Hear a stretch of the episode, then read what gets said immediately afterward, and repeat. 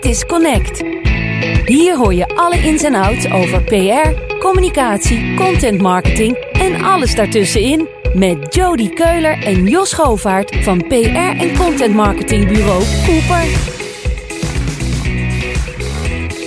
In deze vijfde aflevering is bij ons de gast Martijn Krabbedam, journalist bij Voetbal International. En met hem duiken we in de dynamische wereld van clubwatchers. Vanuit de studio van Cooper, mijn naam is Jody Keuler en welkom bij Connect. En links van mij is weer aangeschoven de volgens zijn Twitter-achterban officieuze clubwatcher van Feyenoord, Jos Govaert. Ja, dankjewel. Ik ben er weer. Uh, Feyenoord heeft nog nooit een antwoord op me gegeven. Op wat dan ook. Want je hebt veel vragen gesteld dan? Uh... Nou, ik vind het wel. Oh, aan de verkeerde mensen waarschijnlijk. Nou ja. Oké. Hey, hoe is het om als journalist in de hedendaagse voetballerij te werken? En hoe is nu eigenlijk hun relatie met, eh, met persvoorlichters? Onze gast van vandaag is clubwatcher bij Feyenoord en Utrecht. En volgt daarnaast het grote oranje op de voet. Martijn, welkom. Ja, uh, leuk. Leuk dat je er bent. toen Jos mij vroeg, dan dacht ik van, ja, waarom ook niet? Het is een andere omgeving voor mij. Een, een andere wereld. Dus uh, ik was wel benieuwd waar, uh, waar jullie dan mee, uh, mee, zouden komen. Met wat voor vragen, et ja, dat, dat, ga je ervaren in het komend, komend half uurtje. Hey, laat, laat ik beginnen met een inkopper. Ehm, hoe, hoe ben jij de, aan deze droombaan gekomen eigenlijk? Wat is je achtergrond? Nou, dat is eigenlijk wel toevallig. Kijk, zoals elke jongen, die jongens die wil voetballen worden. Nou ja, zodra je merkt dat dat er niet in zit, ga je op zoek naar andere dingen. Ja. En um, ik speelde wel in het, in het amateurvoetbal op een redelijk niveau. Uiteindelijk ging dat, uh, ging dat ook minder. Dan ga je toch naar dingen zoeken om, uh, om een beetje actief te blijven. En ik las natuurlijk de kranten al. En dat, dat leek me erg leuk. Dus ik heb op een dag gewoon het Rotterdams Dagblad toen nog gebeld. Met de vraag of ze iemand konden gebruiken om, om, om, om, dingen voor hun te doen. Om stukjes te schrijven. Zo, nou ja, zo ja, praktisch. Dat, daar komt eigenlijk wel op neer. Nou, dat hadden ze eigenlijk niet echt. Maar ik kon dan wel komen voor de, voor de uitslagendienst. Die had je toen nog in de tijd voor... De, Die weet ik nog wel. ja, ken je nog wel. De tijd voor, voor, het, voor het internet. Dus dan ging je op zaterdag en zondag naar de redactie. Dan belde je met, uh, vanaf de vierde klasse amateurs met de kantine. En uh, ja, wat is de wedstrijd geworden? Wie, wie heeft er gescoord en hoe was het verloop? Oké. Okay. dan moest je maar net geluk hebben dat je niet een, uh, een dronken kantinemedewerker aan de lijn kreeg die de verkeerde dingen doorgaf. 48-3 en... ja, ja je zat de hele dag te bellen. Dus je, dat was een hobby op zich, joh, om de journalisten een beetje zo lang mogelijk aan de lijn te nou, laten. Ja, dat soort dingen. Ja, of, of, dus je moest wel een beetje bekend zijn in het, in, in het, in het amateurvoetbal. Dus dat ze geen andere namen opgaven bijvoorbeeld. Van ja. mensen die niet bestonden, et cetera. Maar dan was je dus de hele dag met, met clubs aan het bellen. Later met trainers voor een kleine reactietje van, van die wedstrijd. Dus dat was eigenlijk mijn, mijn eerste baantje. En ja, toen kreeg je een, een, een huis- en huisblad in de regio erbij. Dat heette Maastad in, in, okay. in Maasluis. Ja. En die zochten dan, uh, dan iemand. Nou, dat, ik, ik was toch al uh, bij, uh, bij de krant. Dus daar ging ik wat grotere verhalen maken. En nou, dan rol je verder in de wedstrijdverslagen. Ging ik de Westlandse Courant erbij doen. Samen okay. met, met Arthur Zuiderwijk. Die is nu, werkt nu bij Southfields. Dat is een... Ja, produceert heel veel voetbalgerelateerde programma's, et cetera. Zaten we met z'n tweeën hele Westlandse voetbal te coveren. Ja, en toen dacht ik, nou ja, als ik dat toch bezig ben, dan kan ik net zo goed naar de school uh, voor journalistiek. Hè. Smaak te pakken. Dat was ook leuk. Oké, okay. dat ben je wel gaan doen. Toen ben ik dat wel gaan okay, doen. Oké, braaf de, de Hogeschool braaf, voor Journalistiek. Nou, ja, braaf. Er was ook nog een hele tour om daarop te komen oh. hoor. Want je moest nog een, ten eerste een test Nederlands doen. Dat ja. het Nederlands goed genoeg was. En als je die test uh, goed passeerde, kreeg je een loodje. En want er was, waren al veel meer aanmeldingen dan, dan plaats. En ja, sommige van die mensen hadden wel vijf loodjes, hè, vijf keer uitgelood. Maar die mochten dan hun loodjes houden, dan hadden ze meer kans. Nou, ik had dan echt het geluk dat ik die test goed had en dat ik werd ingelood. Dat okay. was in uh, 94 of zo. Ja. En, en daarna, na, na nou ja, dat ik diploma ik, behaald? Nee, nee, nee, nee. geen diploma behaald. wel mijn P. je bent dan wel, je P. P. Ik zeg luid applaus. Uh, okay. nou, maar het was wel handig, omdat je vanuit die opleiding uh, journalistiek kon je een stuk stage lopen. Ja. En dat is wel uh, de, de, kortste ingang naar, naar iets. Mijn eerste stage was in Zeeland bij de PZC. -hmm. Ik ging natuurlijk kijken waar je dan als stagiair best wel veel mocht doen. Nou, in Zeeland was dat zo. Dus heb ik daar een paar maanden gewoond. En, en dan kwam de stage bij een landelijk uh, dagblad of tijdschrift of, of wat dan ook. En toen koos ik voor Trouw. Had ik ook een beetje gekeken. Kijk, je kwam naar de Telegraaf, het Algemeen Dagblad. Maar dan weet je dat je... Dat je hebt natuurlijk zo'n grote sportredactie. Ja. Want zat je altijd op sport? Ik wilde altijd sport. Oké, okay, altijd het liefst sport. voetbal, maar, ja, okay. maar altijd sport. Dus ik kwam bij Trouw en uh, ja, nou, dus ik daar naar heen, naar de Wiebadstraat nog. En ja, die mensen waren een soort van verbijsterd, want die hadden nooit een, uh, een stagiair op de sport gehad eigenlijk.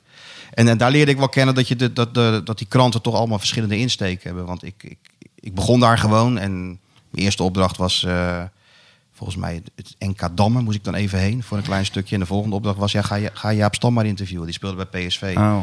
Dus mijn, mijn tweede verhaal was een heel groot uh, interview in de, in, de, in de zaterdagkrant. Dus dat was natuurlijk hartstikke leuk. Maar je ging daar ook gewoon eh, clubs bellen of, of, of er nog nieuws was. Ja. Dat ze zaten te kijken van ja, maar daar hebben we toch het ANP voor. Dat hoef jij niet te doen.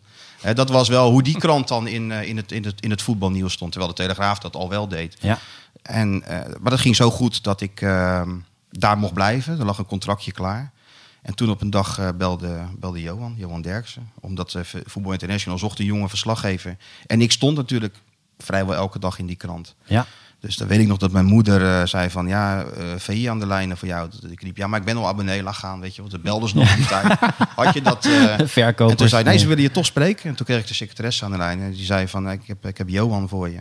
Dus ik, ik zei, prima. En die zei, ja, met Johan Derksen, ik wil dat je bij mij komt werken. En ja, maandagochtend tien uur even afspreken in Gouda. Ja. Tot dan. Ja. Dat was het. En hoe lang geleden is dat nu? Dat is twintig jaar geleden. Twintig jaar geleden. En, en, en dan ben je, neem ik aan, gewoon als journalist ben je in dienst gekomen bij, bij VI toen der tijd. En, ja, en jongste nu, bediende. jongste bediende. En, en nu ben je een clubwatcher, zoals ze dat dan noemen. Ja. Kan je eens uitleggen wa- waar die term vandaan komt? En wat dat inhoudt ongeveer? Kijk, in, de, in, in in Spanje bijvoorbeeld heb je, had je dat al. En in Engeland ook. We grote medialanden. En eh, Barcelona had nou, misschien wel twintig van die, van die watches eh, op de club zitten. En in Nederland. Maar dat kwam ook doordat eh, ik denk dat de, de redacties ook niet zo super groot waren. Ja. Je deed natuurlijk meer dingen dan alleen één club. Ja, tot, tot ja, uit onderzoeken dan bleek, lezersonderzoeken en, en reacties, dat, dat het nieuws en, en van de topclubs, van met name Ajax en Feyenoord en ook PSV, dat dat toch het best eh, beoordeeld en belezen, gelezen werd.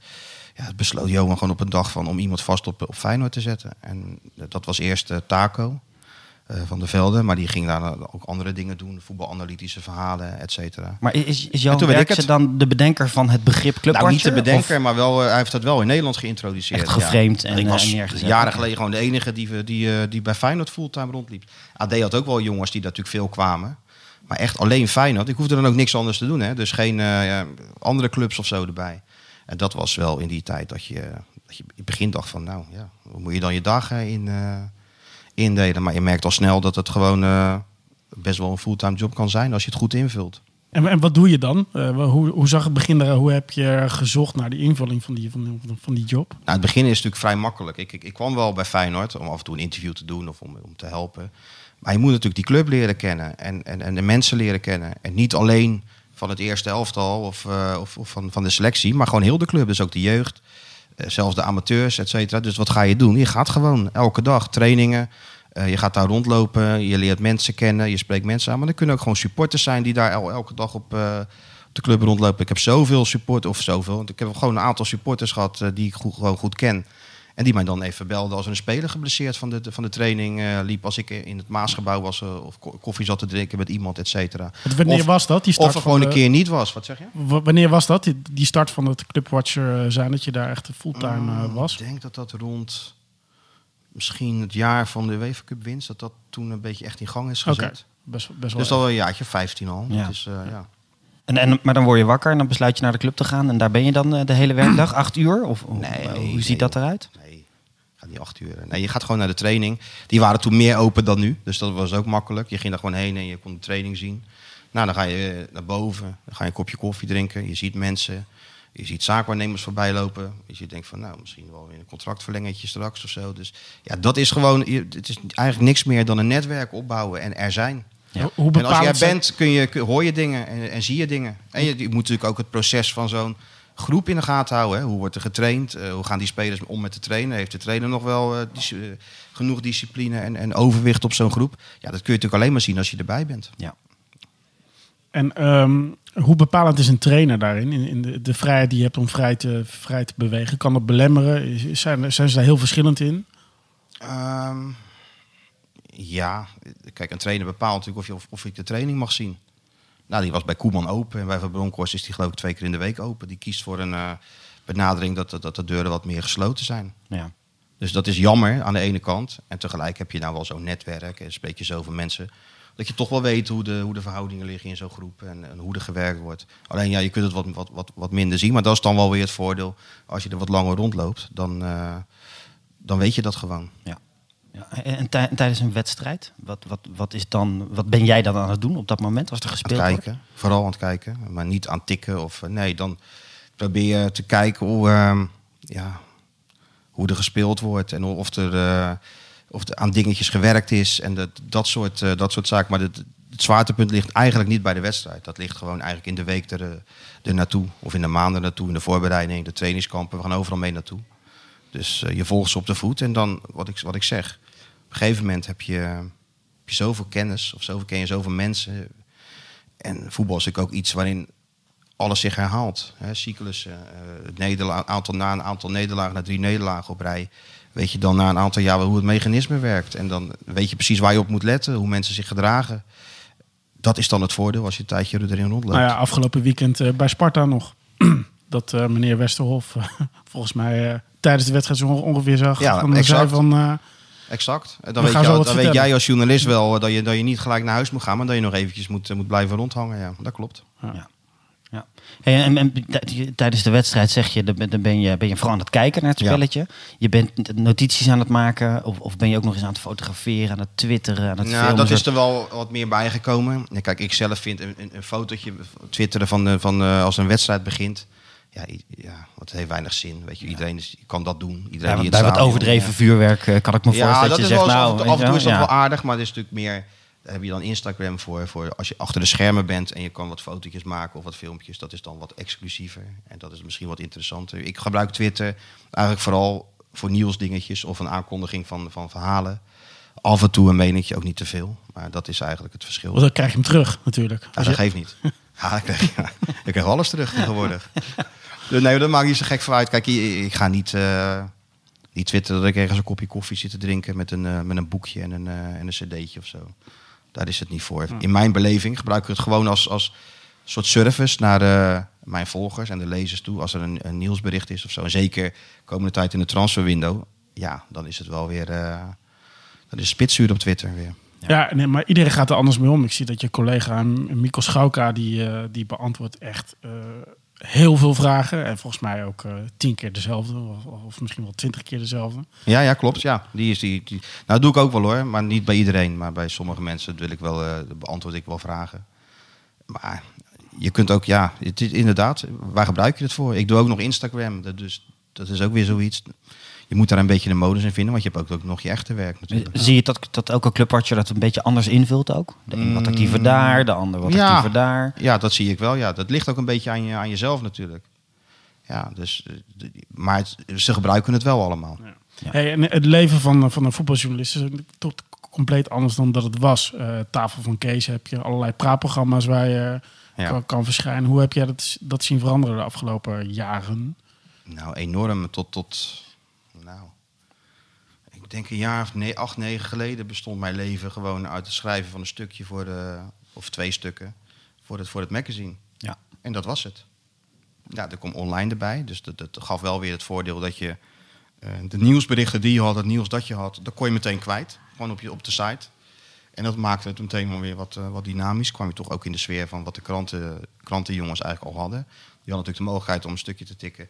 En de volgende dag werd dat gepubliceerd. Nou, wij moesten dan eigenlijk een week Ja, wachten. Weekblad, ja. Maar door dat online kon je dat meteen kwijt. En dat maakte het wel dynamisch en leuk. Want je, als je iets had, hoefde je niet te wachten en te bidden en te hopen dat, een- dat een andere het de volgende dag zou, eh, zou publiceren. Nou, je gooide het online en je, en je was de eerste.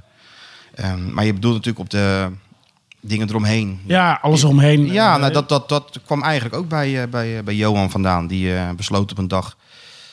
Die zag ook dat het eh, medialandschap aan, het- aan het veranderen was. En eh, de manier van werken. En die eh, besloot op een dag dat wij ook gewoon voor de camera moesten kunnen staan. En dus die, die kocht, even gechargeerd gezegd, een, Ja. een cameraatje.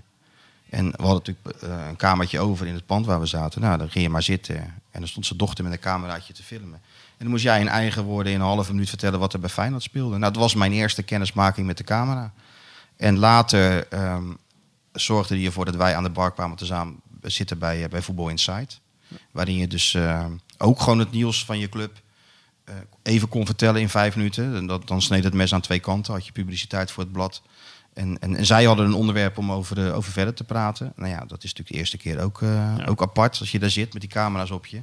Maar na twee keer weet je eigenlijk niet, Ja, dat, niet dat is nu, nu natuurlijk wel weggevallen. Jullie zijn nu veel meer uitgewaaid naar andere programma's. Voetbal Insight is geen journalistiek programma meer wat mij betreft. Het is gewoon entertainment geworden. Ja. Totaal ander programma. Wat, wat hebben jullie daar nu als blad nog aan? Is dat gewoon dat je ergens anders bent? Het programma Nou zelf je, maakt dat je, uit? je moet je blad natuurlijk... Ja, je zit daar als vertegenwoordiger van, eh, van je blad. Ja. En als jij er niet gaat zitten, zit er een ander wel. Dus het is wel... Ja, en ook voor jezelf is het natuurlijk... eh, ja, het is, je, je- kunt je verhaal kwijt. En, en, dus het is wel... Je ontkomt er niet aan. Maar ik vind het ook helemaal niet erg. Nee. En het is natuurlijk makkelijker dan eh, een, vier pagina's volschrijven. Ja, dit levert ook wel leuke dynamiek op. Ik herinner me nog dat gedoe rondom Ten Kate advocaat. En toen zat jij naast... Naast wie zat je ook alweer? Volgens mij, ja, ik ben het volgens mij twee keer geweest. Ja. En ik zat naast Kees, sowieso. Ja, En maar volgens mij Maarten Wijfels, Wijfels AD, zat, eh, ja, denk ik. klopt. En Maar jullie hadden alle twee een, eh, een andere lezing van het, eh, van het verhaal.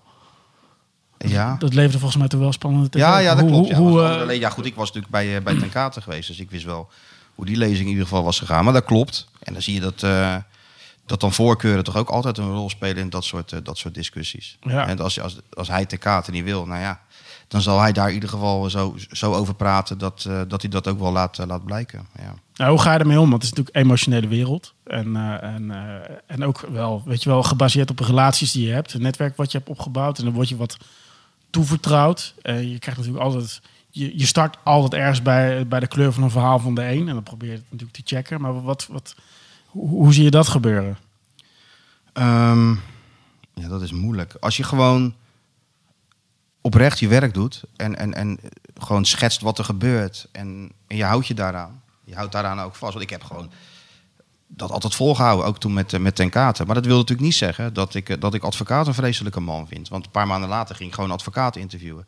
Dus ik denk, als je dat kunt, als je gewoon eh, je eigen lijn volgt en, en mensen niet uh, besodemietert of wat ook, en, dan, dan heb je daar geen last van. Ja, maar je Omdat merkt zij wel, natuurlijk ook wel weten van hoe, eh, hoe, alles, hoe, hoe het werkt. Ja, maar je merkt wel aan mensen eromheen dat ze slecht luisteren. Want volgens mij het enige wat jij hebt gedaan is gewoon gezegd... ik was hierbij en dit... Ik zat, ik zat naast eh, de kaart in de auto en Ja. hij heeft dit en dit gezegd. Dat klopt. Zeg, Ja. Dus, jij, eh, je hebt nooit gezegd van... eh, weet je, dat wat advocaat tegen jou verteld heeft, dat bestaat niet. Maar dit is gewoon wat ik weet. nee, ik heb gewoon gezegd hoe dat met, met de kaart is gegaan, ja. Alleen je ziet wel het frame vervolgens in de krant. En dat, dat- daar hebben we het in de eerdere podcast ook al over gehad. Dat je soms mediastrijdjes krijgt, met name tussen de twee grote kranten. Dat ze blijkbaar een, een, een kamp moeten kiezen of zo. Weet je wel, Eh, Johan Cruijff was een mooi voorbeeld van. Van de fluwele revolutie, hoe het AD erin zat en de Telegraaf. ja. Ehm terwijl ik gewoon zeg van ja, zeg gewoon hoe het zit. En, en je wordt als lezer ook wel een beetje voor het, ja, voor het karretje gespannen. Voor, Ja. voor, de strijd van, de- van de een versus de ander. Het is ook zo natuurlijk. Je moet, als, als, je moet schetsen wat, wat, wat zich er afspeelt. Maar je moet natuurlijk ook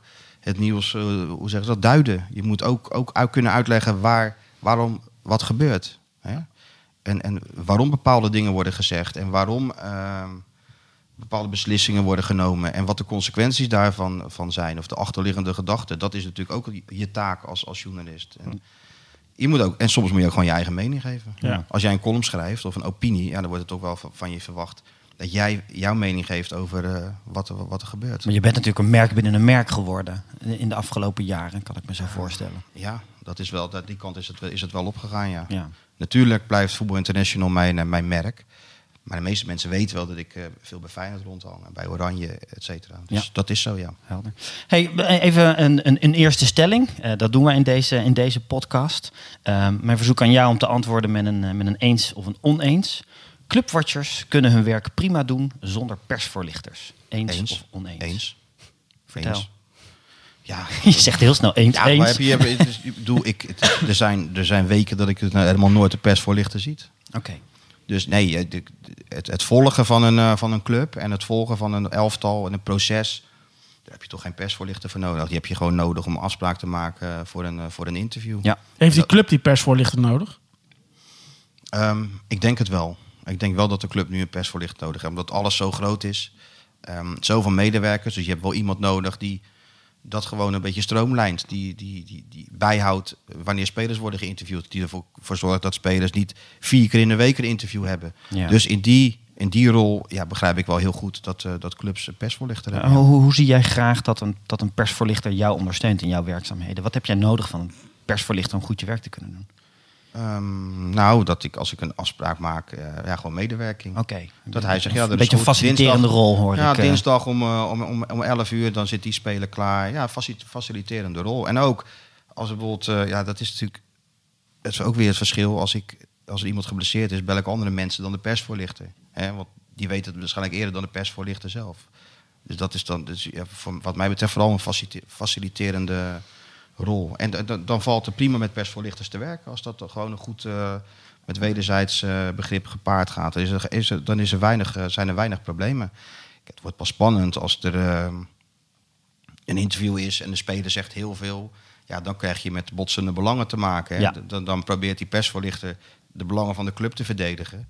En ik mijn eigen belang. En dat het belang is gewoon dat een speler gezegd heeft wat hij heeft gezegd. En, en dat dat dan niet ten koste gaat, al die veranderingen van, van een interview. Maar zelfs daar valt wel prima mee te werken. Als je een goede relatie met, je, met de persvoorlichter eh, onderhoudt. Dus zijn er nog spelers die, die een beetje voor zichzelf opkomen in, eh, in dat geval en persoonlijkheid hebben? Ik, ik zag een leuke eh, tweet volgens mij van Dennis van Bergen. Van, volgens mij is hij nu freelancer of weet niet precies wat Ja, hij ja, doet. ja. ja. Van, freelancer eh, ja, eh, ja. van Michel Bro- Brooijer Brooijer. was dat volgens mij.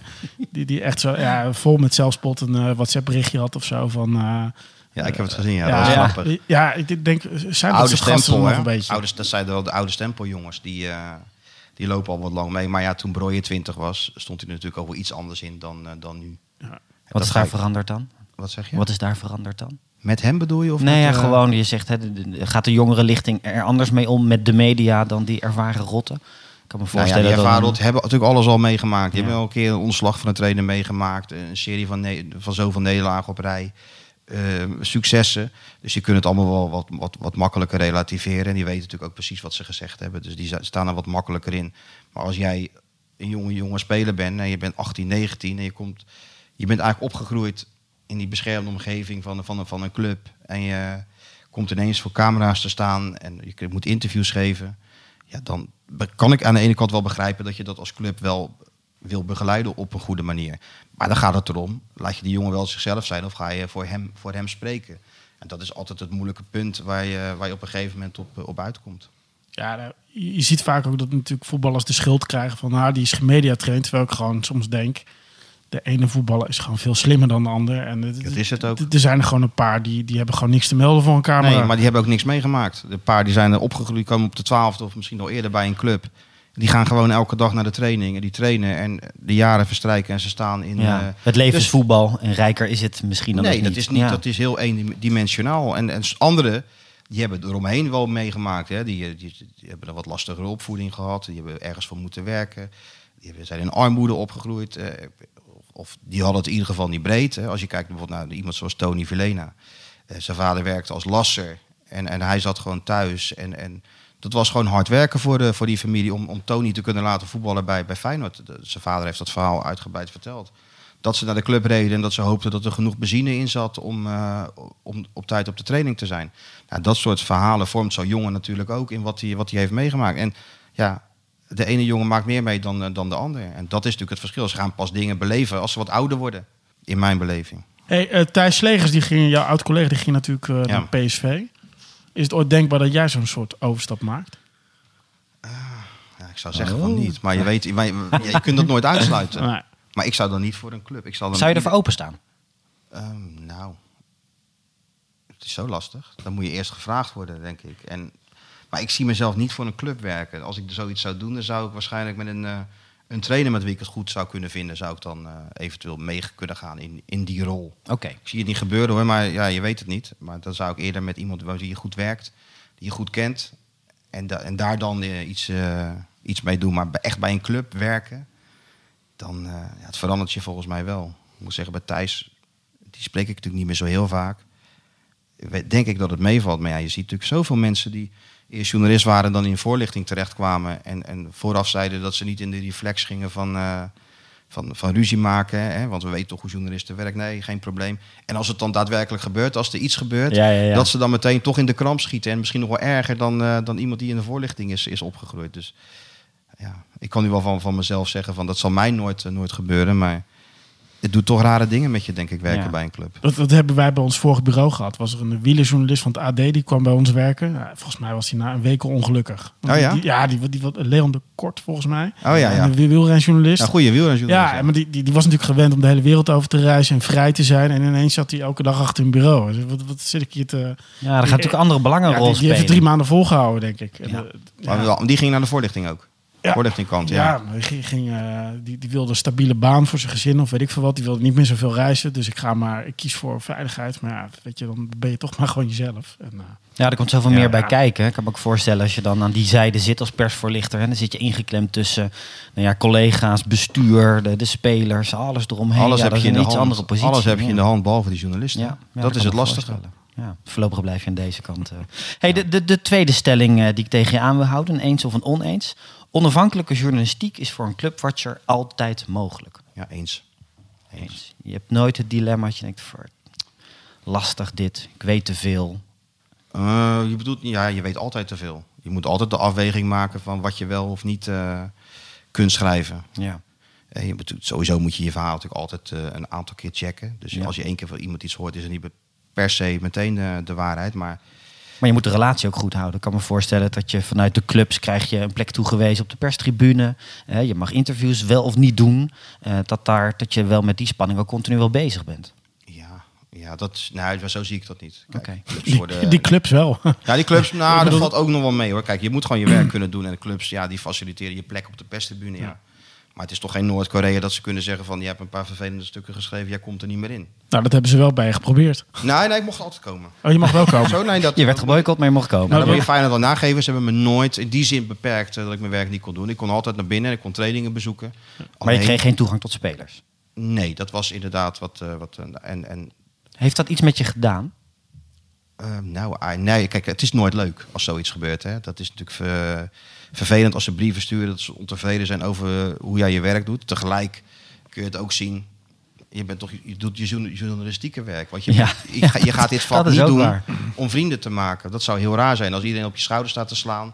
en, en staat te juichen van elk verhaal dat je schrijft. Ja, dan klopt er iets niet. Ja, maar die brief is natuurlijk op zichzelf al bizar. We leven in Nederland, vrije pers en zo. Ehm, ja, hoe, hoe, hoe haalt een club het in zijn hoofd om zo'n brief te sturen? Dat heb ik me toen echt oprecht afgevraagd. Ja. Kan je misschien even kort toelichten wat, wat daar... Je verwijst naar een brief. Ik weet niet of dat Nou iedereen ja, weet. eh, eh, en uit- heeft- uiteindelijk, het, ging, eh, het was volgens mij het jaar voor het kampioensjaar. Uh, Klopt. zootje nederlagen op een rij. Eh, ja, dan is het Hij incasseren. was nog voor die serie van Wa- de was serie dat- Nederland. was daarvoor al. Was daarvoor al, ja. Het was het eh, seizoen daarvoor, nadat Rutte weg was gegaan, et cetera.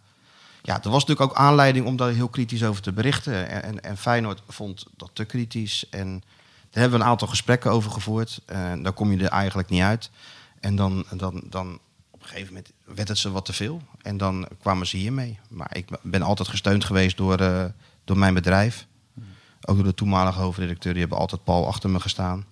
En ik heb er zelf gewoon niet zo moeilijk over gedaan. Dat, Ja. dat helpt natuurlijk ook. Kijk, ik hoef niet per se spelers te spreken om, eh, om een club te volgen.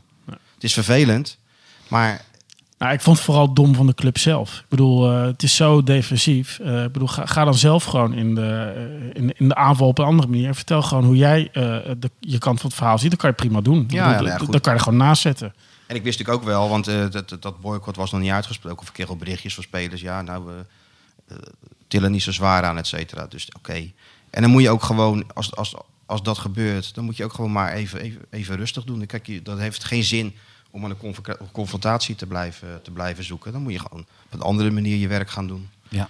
En dat heb ik ook gewoon gedaan. Ik ben gewoon wat, eh, dan maar geen interviews, Ja. dan maar andere, andere verhalen.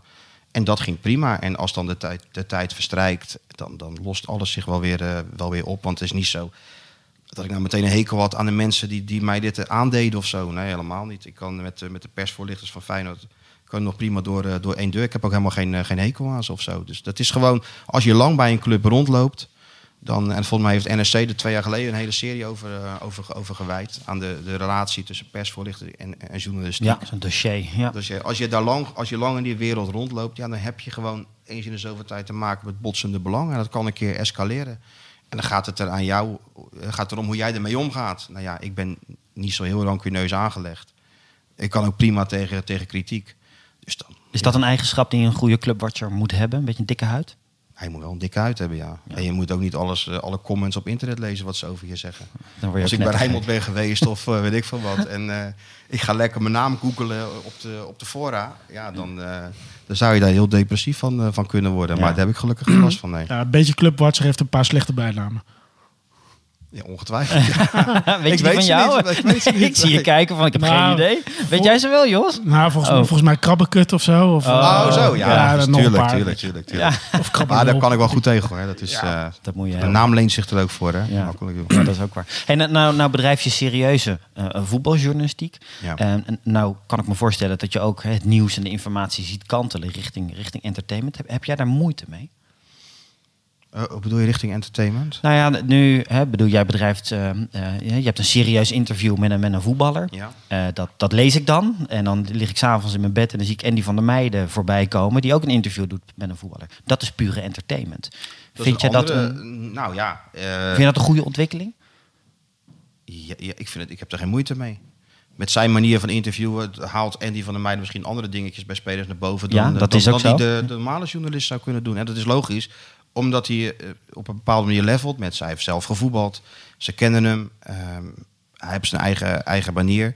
Want ik ken Andy. Hij is echt een wereldgozer. Dus Ja. je kan echt met hem lachen.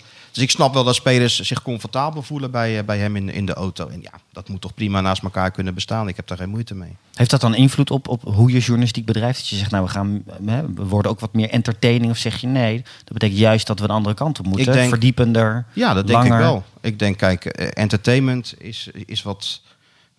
Mm, niet iedereen kan wel groot. Ja, je kan een stukje entertainment kan je toch wel doen, weet je. Als in de auto zitten, als Andy doet. Dat is gewoon rondjes rijden en, en vragen en een beetje lachen. En, dat werkt bij, eh, bij spelers. Maar dat gaat het niet over hoe ze zich hebben ontwikkeld als, als voetballer. Wat ze hebben moeten doen. ehm, wat ze van trainers geleerd hebben. ehm, hun ontwikkeling van hun lichaam. Krachttraining bijvoorbeeld. Dat soort zaken. Ja, daar moet je toch dieper op materie ingaan. Daar heb je veel meer tijd voor nodig. En, en ja, dat kan prima naast elkaar bestaan als de een dit doet en de ander dat doet. Ik heb er geen moeite mee. Hey, je hebt de laptop trainer, maar je hebt eigenlijk ook wel de laptop voetbaljournalist, zou ik willen zeggen. Denk aan, eh FC, nee, aan Catenaccio tussen de linies en eh, dat soort dingen. Allemaal eh data-fetischisten zou ik ze willen noemen. Wat, wat, wat vind je van die eh, ontwikkeling? Ja, iedereen moet doen wat hij zelf wil. Ja, ik ben er, niet, ik ben er geen fan van. Waarom? Ik vind gewoon omdat je voetbal. Je moet voetbal niet onnodig ingewikkeld maken. Ik lees natuurlijk ook al die, die, die stukken over data en hoe trainers eh, zouden werken met spelers. En, en, en ja, dat lijkt bijna wetenschappelijk of bijna wiskundig. Maar ik heb als voordeel dat ik weet hoe spelers zijn. Dus ik weet dat je als trainer alles tegen spelers kunt zeggen. Maar dat ze uiteindelijk in het veld toch vooral hun intuïtie volgen. En dan lopen ze toevallig in de halfspace. En dan kun je, de moeilijk, kun je wel zeggen van dat heeft Guardiola erin gebracht. Nee, dat is gewoon de kwaliteit van de speler die op zijn intuïtie zo speelt. Als trainer geef je gewoon handreikingen, ehm, eh, ha- ha- handvaten. eh, je traint, je traint een systeem. En van daaruit ben je overgeleverd aan de kwaliteit. En eh, dat kan je heel ingewikkeld maken, wat ik zeg. Daar kan je allerlei statistieken en, en modellen op, op loslaten. Maar je moet voetbal. Ja, dat, is- dat, dat- ik vind dat dat een beetje overdreven wordt, eerlijk gezegd. Eh, Wat vinden trainers daar zelf van? Die, die vinden dat ook. Ja. Die vinden dat ook. Ik ken trainers die, eh, die verhalen van zichzelf teruglezen. En, en die als een Einstein worden, worden neergezet. Die, die, zeggen van ja. Ik wist niet dat ik zo slim ik was. dat? Nou ja, nou zeker. Ja, volgens mij wat. eh, in Duitsland is er natuurlijk wel heel veel eh, van dat soort trainers dat dat doorkomt. Alleen mensen vergeten dat die trainers ook hebben gespeeld en al tien jaar trainer zijn of zo. Nagelsman, die is volgens mij vanaf zijn zestiende al, al trainer. Jeugd. eh, Ja, dus het is ja. niet zo dat hij met een laptop alles heeft, heeft, heeft uitgevonden.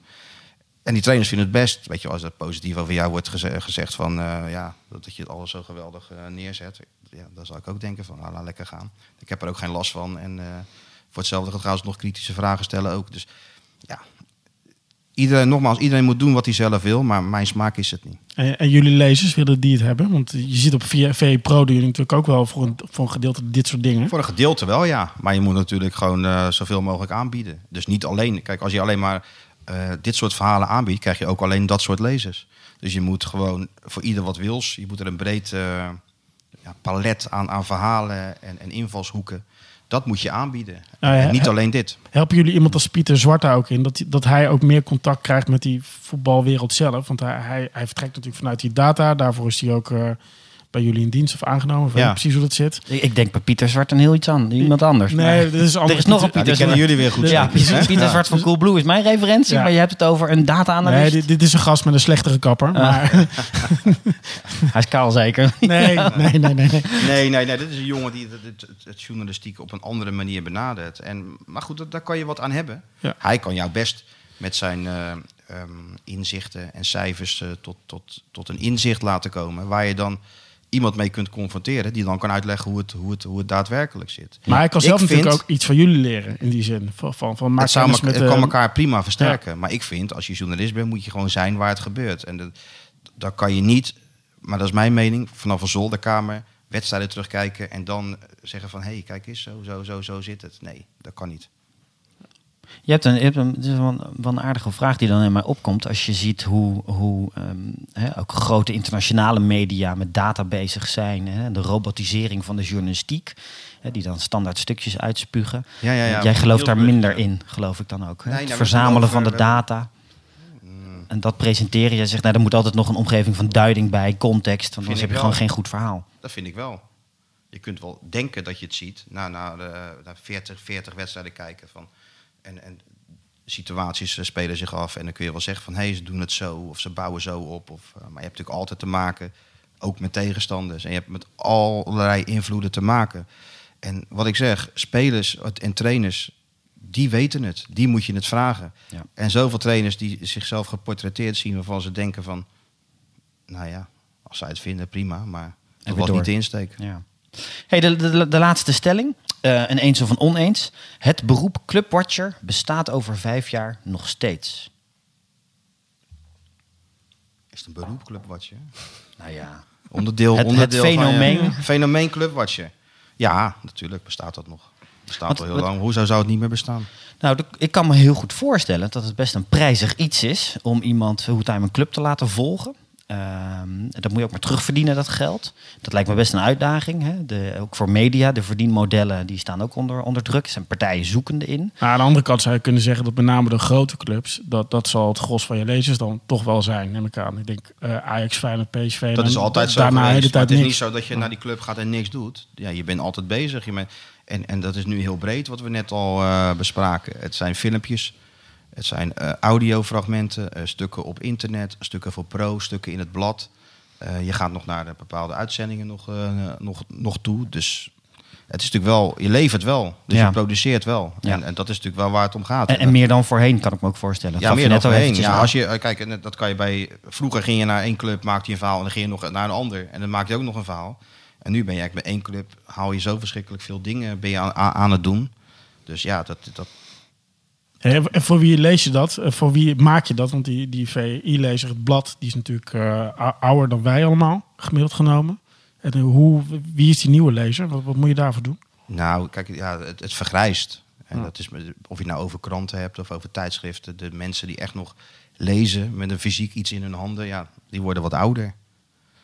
En, en de jeugd, en dat zie ik ook, maar ik merk het ook wel aan mezelf. Dat ik, als ik de VI lees, ik ook op mijn telefoontje. Ik lees kranten ook op mijn telefoontje.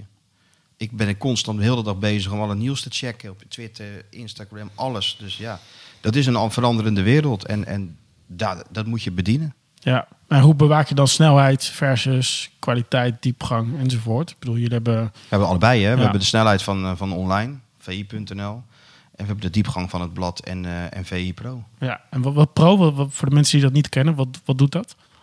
Pro, dat is een, eh, een, een, een betaalmuur waarin de verhalen die in de, voetbal, in de reguliere VI staan daarop. Maar ook extra verhalen. Dus als je daar abonnee van wordt, krijg je per maand, nou wat zullen het zijn? Eh, Misschien per week tien extra verhalen te lezen van, eh, van ons die we dan maken puur voor, eh, voor Pro. En voor mensen die daar abonnee of lid van zijn. En wie worden lid van? Heb je daar een soort van profiel Ja, van? Dat is, dat, is, dat is iedereen. Iedereen wordt daar lid van. Maar het is ook niet zo. Ja, ik weet dat niet precies. Want ik ben, ik ben natuurlijk altijd onderweg. En die gasten op kantoor. Die weten precies van de, de leeftijdscategorie of et cetera. Maar ja, het is wel een gestaag aantal mensen. eh, registreert zich, daar begint het mee. En, want je kunt dan een aantal gratis eh, artikelen lezen. Hetzelfde als NRC, vijf per maand of zo. Ja.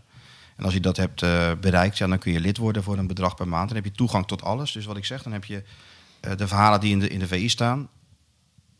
En ook nog de, de extra verhalen die we, die we maken. Dus dat is een, ja, een service en, en een mogelijkheid voor iemand die niet een, een blad wil lezen, die niet in zijn stoel onder, met een lampje even lekker de TV wil lezen, maar gewoon op zijn telefoon of op zijn tablet of wat dan ook, toch op de hoogte wil, uh, wil blijven. Ja. Ja, is, is dat denk je genoeg om in de toekomst ook genoeg geld te verdienen voor een titel als uh, VI? Uh... Ik mag het hopen. Ik weet het niet. nee, ja, het is lastig. Kijk, nog steeds is uh, um, de, de fysieke VI, dat is nog steeds groter dan, dan pro. Maar is volgens mij met alles. Ja. Kranten, de sites van de kranten of de, de, zijn de, de, de fysieke kranten zijn altijd nog groter. Maar je ziet wel dat het langzaam naar elkaar toe kruipt. Ja, het probleem is alleen dat het alternatief online vaak dat het gewoon minder oplevert. Omdat mensen zoveel keus hebben, überhaupt in de breedte. Je ziet nu, uh, kijk, veel mensen hebben wel Netflix-abonnement, maar dan zie je bijvoorbeeld ook Disney die, uh, die groot aan het begin is. Ik vraag me wel af hoeveel abonnementen willen mensen straks nog hebben. Ik bedoel, je zal het klassieke tv-abonnement denk ik wel een keer de deur uit doen. Ja. Maar je gaat keuzes maken. Misschien zeg je Zeker, ja. uh, max 50 euro per maand uitgeven aan, uh, aan content en that's it. En Ja, dat is goedkoper hoor. Dat is zo'n uh, abonnementje voor. Ja, oké. Veel maar goedkoper. ik bedoel, alles bij elkaar, hè? Ja, ja, dat ligt maar aan waar je, wat je wil. Ja. Het ligt waar je interesse ligt. Ben ik denk dat er wel een grote groep voetballiefhebbers is en blijft die dat wel wil. Ja. Want ja, je kunt wel eh, korte berichten consumeren en, en de nieuwsberichten. Maar je, je ook benieuwd zijn, neem ik aan, naar eh, waarom dingen gebeuren. Naar achtergrond, naar duiding. Hè, daar kan je natuurlijk zelf je, je opinie en mening over vormen. Maar ja, insiders geven toch altijd wat, wat, wat, wat, wat extra weg waarom dingen gebeuren. En, en ik denk dat daar dus altijd wel behoefte aan blijft. En om op Jody's vraag terug te komen, denk ik juist dat clubwatches eh, vitaal zijn voor, eh, voor, voor- ook voor het commerciële gedoe. Want als jij fan bent van een club, dan wil je er, eh, nou tenminste, ik spreek even NS1, wil je daar gewoon meer van weten. En als iemand goed ingevoerd is en je ook, le- en ook levert, dan ben je misschien op den duur ook wel bereid om er iets voor te betalen. Ik denk als je heel generiek gaat zijn, dan wordt het, dan wordt het moeilijk. Nou, kijk, clubs doen zelf ook, hè. Ja, dat, dat hun eigen mediakanalen en, Ja. en, en hun eigen... Zie je dat als een bedreiging? Eh, hè? neem een Ajax TV bijvoorbeeld. Nee, nee, ik, ja, nee, nee. Daar komt ook heel veel nieuws en informatie vandaan. Ja, ja, dat zijn goed nieuwsshows. Ja, maar word jij daar vrolijk van? Ik, ik, ik vind dat zo... eh, Nou, het is een beetje de- afhankelijk van de interesse die je hebt in een club. Hè. Ben je gewoon voetballiefhebber, wil je het een beetje vluchtig meekrijgen of wil je verdiepen? Daar zit denk ik nou, heel dat, veel dat, daar, zit, daar zit ook het verschil. Ja. Kijk, en, en, en als het goed gaat, is het natuurlijk heerlijk, zo'n club tv. Met, met de vrolijke filmpjes van spelers en dat het allemaal goed, goed gaat. Maar als het wat, wat minder gaat, ben je toch als supporter en als volger benieuwd waarom dat dan is. En wat daarachter, wat, wat daarachter ligt en wat er dan gebeurt. En wat achter de schermen gebeurt. En dat hoor je niet op club tv, maar dat hoor je dan wel bij ons. Zie je clubs die dat wel aardig doen, die, die zeg maar een stap vooruit doen en zelfs ook als het slecht gaat, wel enige openheid van zaken geven. De club die jij volgt is daar volgens mij niet echt het beste voorbeeld van de afgelopen Mm. jaren. Nee, nee, nee, nee. Maar bij Feyenoord ehm, zie ik ook wel een mindere, mindere krampachtige houding dan, eh, dan, dan het eerst was. Hoor. Dat, kijk, misschien hebben ze dat ook moeten, moeten ervaren. Ja, De afdeling ingroeien. voorlichting daar, Ja. hè, die, zo, die hebben ze natuurlijk ook nooit meegemaakt. Een serie met zoveel nederlagen. Daarom ook Dat de keuze dat- voor de dat algemeen directeur, denk je? Is dat, is dat zo belangrijk? Ehm, nou, ze wilden nu een algemeen directeur die in ieder geval uit de mediawereld eh afkomstig was. Maar niet voor de media. Maar volgens mij gaat het ook meer om straks het nieuwe stadion. En dat het dan handig is, ook contacten met... met ook- en ook als het gaat om de voetbalrechten, et cetera... dat ze het in die hoek hebben gezocht eh, om deze directeur eh, te nemen. Niet zozeer om ons te pleasen. Nee, Nee. Dat, dat, dat niet. Maar wel een heel ander soort keuze dan type eh, Robert Eenhoorn, noem maar wat. Ja, nou, daar ging, was natuurlijk ook de discussie over. Er was een aantal mensen die liever eenhoorn had gewild. Op het voetbaltechnische, het sport, met, qua sportbeleving en, en, en de Amerikaanse manier hoe dat, eh, hoe dat dan daar gebeurt. En er was een, een, een- deel dat liever eh, Jan, Jan de Jong had. Nou ja, zo gaat dat dan. Hey, laatste vraag. Als mensen met jou eh, willen connecten, waar, waar kunnen ze dat bij voorkeur doen? Connecten bedoel je gewoon mij volgen of Jou iets? volgen, Nou, op ja. Twitter kan dat. En op Instagram. En wat is je Twitter naam? Dat, mijn, mijn Twitternaam is M. Krabby. M. Krabby. Dubbel B Y. En mijn Instagram naam is m.krabby. Want die andere was al vergeven. Nee, Dat is ook zo vervelend. Ja, dat dan je, dan een registreer je en dan staat er, is er al iemand die zo heet. Ja, precies. Nou ja, Dus nou ja, goed. Dat, eh, en eh, Facebook heb ik ook. Alleen dat wordt dan eh, meer voor mij gedaan. Oké, helder. Hey Martijn, namens ons beiden, dankjewel voor je komst. Graag gedaan. En dit was aflevering 5 alweer van Connect. Wil je meer informatie over deze podcast? Bezoek dan www.cooper.nl slash connect voor alle show notes, cases en tips. Bedankt voor het luisteren en tot de volgende aflevering.